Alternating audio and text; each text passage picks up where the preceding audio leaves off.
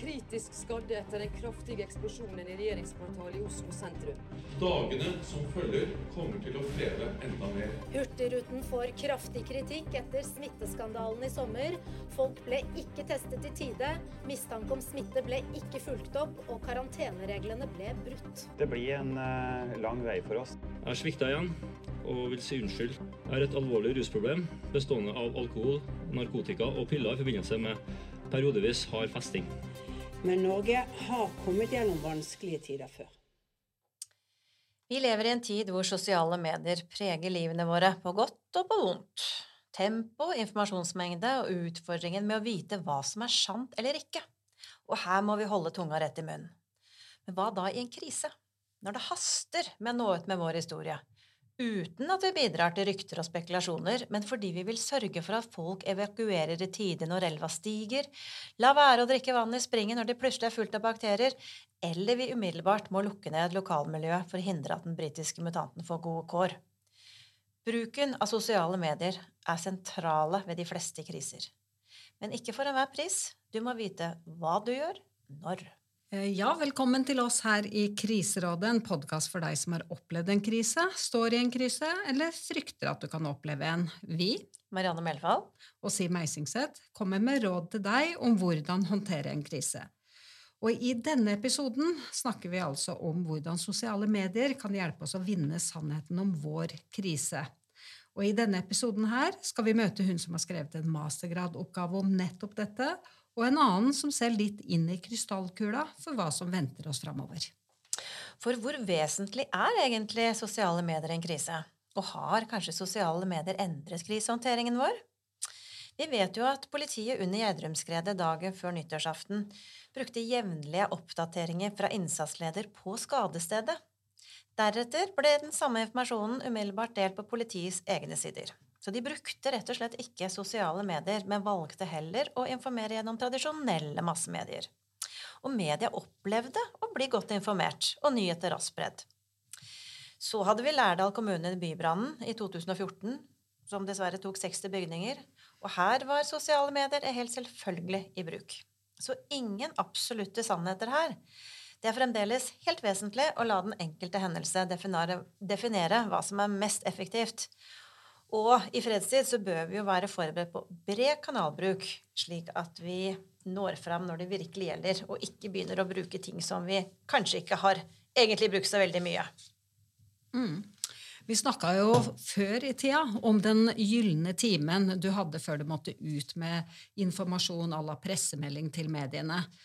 Men nå vil jeg si at nå er det snakk om det gylne sekundet. For meldinger kommer i sosiale medier nesten før du vet at det har skjedd sjøl. Og Marianne, jeg har lyst på å fortelle en historie fra den gangen da jeg jobba i Norges Bank som kommunikasjonsdirektør. Jeg foreslo i 2009, etter at jeg hadde vært på en inspirerende konferanse i Canada der vi snakka om muligheten med sosiale medier, at Norges Bank skulle være til stede på Twitter med sine rentebeslutninger. Gjett om det ble debatt av det. Nei, det var ikke mulig. Det kan vi ikke. Vi kommer til å bli hacka. Det er altfor lett å kopiere passordet og komme seg inn, og dermed feilinformere folk. Men vi gjorde det. Og vi ble verdens første sentralbank som publiserte beslutningen om renta på Twitter. Og dette er jo en beslutning som angår egentlig alle av oss, for de fleste har vel et lån eller kanskje penger i banken veldig sprekt av Norges Bank allerede den gang. Eh, og jeg tror jo kanskje det var fordi man kjente også sitt publikum tross alt. Og jeg tror det er det vi alle må gjøre. Vi må i fredstid tenke igjennom hvem er folka våre, hva er de opptatt av? Er det kunder, er det innbyggere? Uansett, lag en plan for hvordan nå dem, både i gode og onde dager. Og så eh, bruker man tiden da til å finne en form og en tone som målgruppen vår liker. Eh, og helst at de opplever at vi i de sosiale kanalene er relevante, sånn at det blir mange av dem. For det hjelper jo oss å ha mange å snakke til når vi bestemmer oss eh, for at vi vil ut med vår versjon av krisen. Så er det jo slik da, at det likevel er store forskjeller der ute, både i forhold til kunnskap og ressursbruk. Så er man litt avhengig av disse digitale ildsjelhodene som f.eks. Eh, kommunikasjonsleder i Hadsel kommune i Nord-Norge, Heidi Torkelsson Ryste, som har undersøkt betydningen av sosiale medier når krisa oppstår. Hun har i sin masteroppgave undersøkt ni norske kommuner som har vært involvert i sju store kriser i perioden mellom 2014 og 2017. Og da snakker vi om f.eks. brannen i Gudvangtunnelen, Svalbardskredet, flom på Sørlandet og brannen i Lærdal. Og funnet i denne oppgaven da, den viser at sosiale medier har endra krisekommunikasjonen i form av hastighet, kanalbruk, og at sosiale medier noen steder er tatt naturlig inn i planverket i kriseplanen. Men det er store forskjeller mellom kommunene, og Heidi fant også ut at noen krisehåndterere frykter at sosiale medier vil føre til mer feilinformasjon og ryktespredning. Og det mener Heidi ikke stemmer. Og her er hennes råd til bruk av sosiale medier i kriser. Det første er bruk de kanalene du ønsker å være på i en krise. Bruk de til vanlig også, sånn at dere blir vant til å bruke de, og det blir en naturlig del av eh, arbeidet deres. Og det å øve, det hjelper alltid. Eh, tenk gjennom, altså tenker du at det kan bli aktuelt å legge ut korte videoer f.eks., så tren på det på forhånd, sånn at du har det i fingrene. Og så gjelder det jo også å bygge opp følgeskaren sin eh, til vanlig. Eh, vær aktiv for å få flere følgere, for da har du et mye bedre kommunikasjonsverktøy i kriser. Så det jobber jeg bl.a. aktivt med i jobben min. Altså jeg inviterer alle som liker noe som helst. Eh, og har bygd opp det med flere tusen. Og det som viser seg òg, altså i krisesituasjoner så er det ofte mange som eh, følger deg. Og de avfølger ikke igjen etterpå. Eh, og viser forskning sånn eh, store trekk, da. Sånn at eh, det er også en god mulighet til å få flere følgere. Og så husk på også det med å være Selv om du ikke har tenkt å være så veldig aktiv, så overvåk det som blir skrevet om deg eller bedriften din. Sånn at du har kontroll over informasjonen også på sosiale medier. Du kommer langt med å sette opp eh, Google alerts og sånn i første omgang. Eh, så kan du se litt mer på om du vil gjøre noe mer avansert etter hvert. Heidi er opptatt av at sosiale mediekanalene utfyller de andre tradisjonelle kanalene, som hjemmeside, pressemelding og pressekonferanser. Men hun er opptatt av at bruken må være en del av kriseplanen og planverket, og at øving også her må til. Og for Heidi har sosiale medier en helt naturlig plass. Jeg vil oppfordre til å bruke det. Og trene på å bruke det i forkant, og bruke det i en normalsituasjon, sånn at man eh, blir komfortabel med bruk. Fordi det er jo ikke sånn at sosiale medier skal komme i tillegg til alle andre informasjonskanaler. Tvert imot så opplever jo de som bruker det aktivt, at det avlaster. Eh, du, du, får mindre mediehenvendelser, du får mindre telefoner, mindre e-post hvis du bruker eh, sosiale medier godt. Så er det jo ikke sånn at du kan bare bruke sosiale medier, men ha den eh, som den eh, høyest prioriterte ved siden av altså hjemmeside eller eh, Fordi du oppnår at informasjonen din blir delt og spredt i svært mye større grad selvfølgelig enn hvis du bare bruker hjemmesidemedie. Altså det skal mye til. Terskelen er ganske høy for å gå inn på en hjemmeside. Det er det ofte mm. bare journalister som gjør. Eh, og så er det jo en, noen sånne tilleggsfunksjoner selvfølgelig med sosiale medier. Eh, de åpner jo for kommunikasjon. Og det er mange som kommer med tilbakemeldinger også i krisesituasjoner. Det er mange sånne 'godt jobba', 'vi er heldige som har dere', og sånn når f.eks. kommunene kommer med eh, informasjon. Og det kan være godt for en organisasjon å oppleve i en krise. Mm. Uh, og så er jo en av funksjonene til sosiale medier også at det er et sted en kan uttrykke medfølelse. I kriser så har jo mange et behov for det. Blant annet sånn som så med det Gjerdrum-raset og den her eh, forferdelige brannen på Andøya. Så er det på en måte en kanal hvor man kan få uttrykt. Og det, også, det kan også være fint. Men finnes det hendelser der sosiale medier absolutt ikke er passende, og at man ikke trenger å bruke det? Så er det jo noen situasjoner, sånn ved ondsinnede hendelser, der eh, også de som står bak, eh, kan bruke sosiale medier for å hente informasjon og målrette angrepene sine. Altså de mm. angrepene i Paris, Bataclan og Westgate-senteret i Nairobi er eksempler på det. Hvor de overvåka sosiale medier for å få informasjon. Så hvis en havner i en sånn type kriser, så må en selvfølgelig være veldig bevisst på det og rådføre seg med politiet. Mange gode råd der. Eh, og som en liten videreføring av det Heidi sier, så har vi jo sett på noen situasjoner hvor det vil være naturlig å bruke sosiale medier i en krise. Ingen tvil, vi kan nå mange fort. Og jo bedre systemer for registrering av folk og kontaktdata, f.eks. i en kommune, og jo raskere, jo raskere, kan vi jo da melde om fare, slik at folk kan ta vare på seg selv, eller eh, oppsøke steder hvor de får hjelp.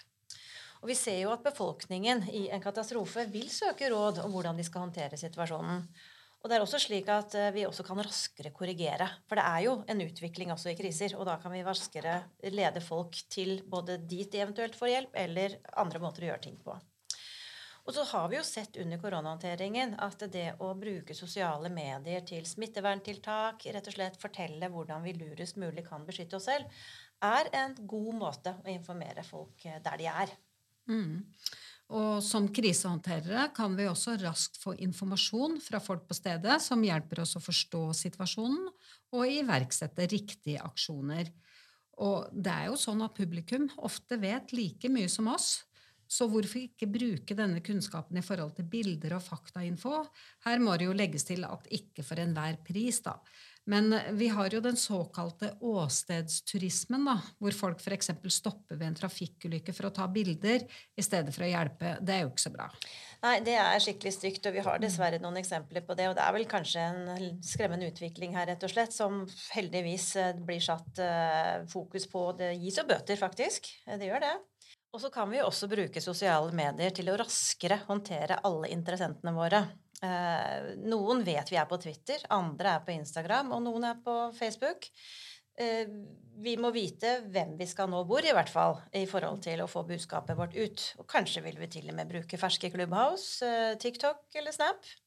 Det vi i hvert fall vil, er å selv ta kontroll på historien om vår krise. Og det gjør vi ved å vite eh, hvor folk er, og rett og slett tilpasse budskapet slik at de skjønner vår historie. Og da får vi også en helt annen kontroll eh, på budskapet vårt. Og den siste tingen er jo dette med å gi omtanke. Bruke sosiale medier. Ikke nødvendigvis vi som står midt i krisa, men vi ser at uh, i en uh, kommune som Gjerdrum, som er hardt rammet, hvordan det å dele hjerter viser sympati med ofrene, som er viktig. Og spesielt i Gjerdrum viser seg jo bety mye for de involverte. Mm. Et engasjement. Ja, Men vi vet jo også at det er noen utfordringer da, med å bruke sosiale medier. Eh, og det er jo f.eks. informasjonsmengde. Det kommer jo ekstremt mye info i en sånn katastrofesituasjon, og det kan være vanskelig å filtrere alt dette. Og så har vi de pågående situasjonene som f.eks. terrorangrep, hvor vi slett ikke ønsker at angriperne skal få tilgang da, til informasjon. Uh, ja, så er det jo sikkerhetstrusler, internett som kan bidra til kriser, ryktespredning, fake news. Og før vi avslutter nå, så skal vi en tur innom eh, framtida og kanskje se litt inn i krystallkula. Nils Petter Strømmen jobber i analysebyrået Kantar, og vi har spurt han om han kan si noe sikkert om framtida? Ja, det er eh, alltid ikke bare vanskelige spørsmål å svare på, men det er jo helt umulig å vite om man har rett. Men det vi, det vi i hvert fall kan vite, er, eh, eller være ganske sikre på, da, man kan jo aldri være 100 sikker, men at det vil komme nye kanaler eh, som kan være aktuelle å ta i bruk også for folk som jobber med krisekommunikasjon. Det er jeg helt sikker på. Og nå har vi jo sett de siste, altså bare de siste, den siste uka, siste to ukene, så har det jo kommet et nytt medium som har fått veldig sterk fotfeste, eh, i hvert fall i eh, enkelte målgrupper. Eh, som Clubhouse, som er en slags blanding mellom Twitter og podkast, kanskje. Litt sånn altså live eh, distribusjon av lyd. Og det vil jeg jo tenke er et medium som kan være aktuelt. Eh, å inkludere i en eh, kriseplan, f.eks. Eh, og det var jo ikke et medium, selv om det var jo april i fjor dette ble lansert i USA, så var det ikke et medium noen snakka om her i Norge for tre måneder siden, f.eks. Eh, så det dukker, eh, dukker plutselig opp nye ting, mm. eh, og som kan få raskt fotfeste. Det så vi også med TikTok, som også fikk raskt fotfeste i den yngre delen av befolkningen eh, i Norge eh, og i resten av verden for så vidt. Eh, mens disse eh, eldre sosialmediene sosiale mediene som Facebook og eh, ja, kanskje særlig Facebook har jo blitt veldig stort, men eh, veksten har jo skjedd over ganske mange år. Så ja, jeg, jeg, vil jo si at vil, jeg vil være ganske sikker på at det kommer stadig vekk nye plattformer i, i sosiale medier som vil være eh, nyttig å ta en eh, kikk på, følge med på, være der så tidlig som mulig for å vurdere om dette kan være noe man kan ta i bruk også i, i, med tanke på annen type kommunikasjon man driver med i virksomheten. Eh, når man har en krise, så har man kanskje også behov for å nå de yngre eh, målgruppene. Eh, og da er jo kanskje ikke hjemmeside akkurat det mest åpenbare. Og hvilke kanaler tror du man burde bruke hvis man skal nå de unge? Altså Det vi ser eh, i våre medieundersøkelser i Kantar, er jo at blant de fem største mediene målt i daglig, daglig dekning blant de under 30 år, så har vi jo ingen redaksjonelle medier. Eh, vi finner Facebook, vi finner Snapchat, eh, vi finner Instagram og vi finner YouTube. Så det er klart de er i disse sosiale mediene og på de digitale plattformene på daglig og i stort omfang. Så det vil jo være en, en, naturlig ting å tenke, at man må være synlig her for å nå fram så er jeg litt usikker på om, eh, om, det er riktig å tenke sånn i en akutt krise. Altså de, de eh, kanalene vi snakka om nå, kanskje særlig Instagram, eh, Snapchat, også TikTok som er veldig på vei opp blant de som er eh, litt yngre enn en 30 også, altså tenåringer.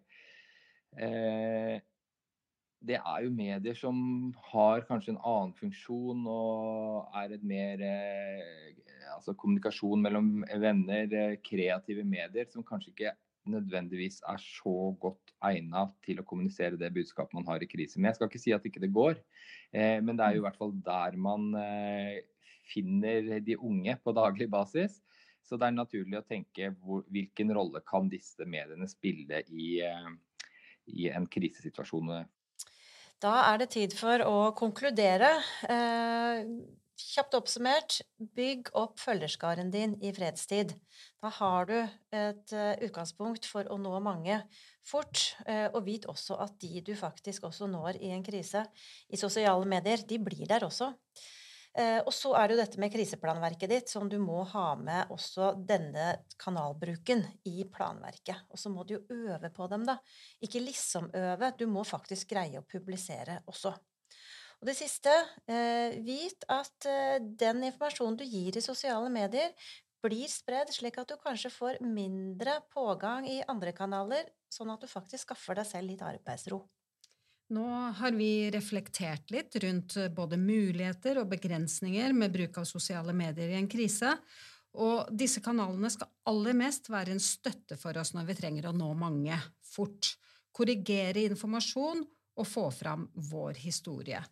Vi må også overvåke hva, andre gjør i disse kanalene, som kan forsterke vår krise. Og utover det, jobb godt med krisekommunikasjonen din i alle kanaler. Riktig lykke til.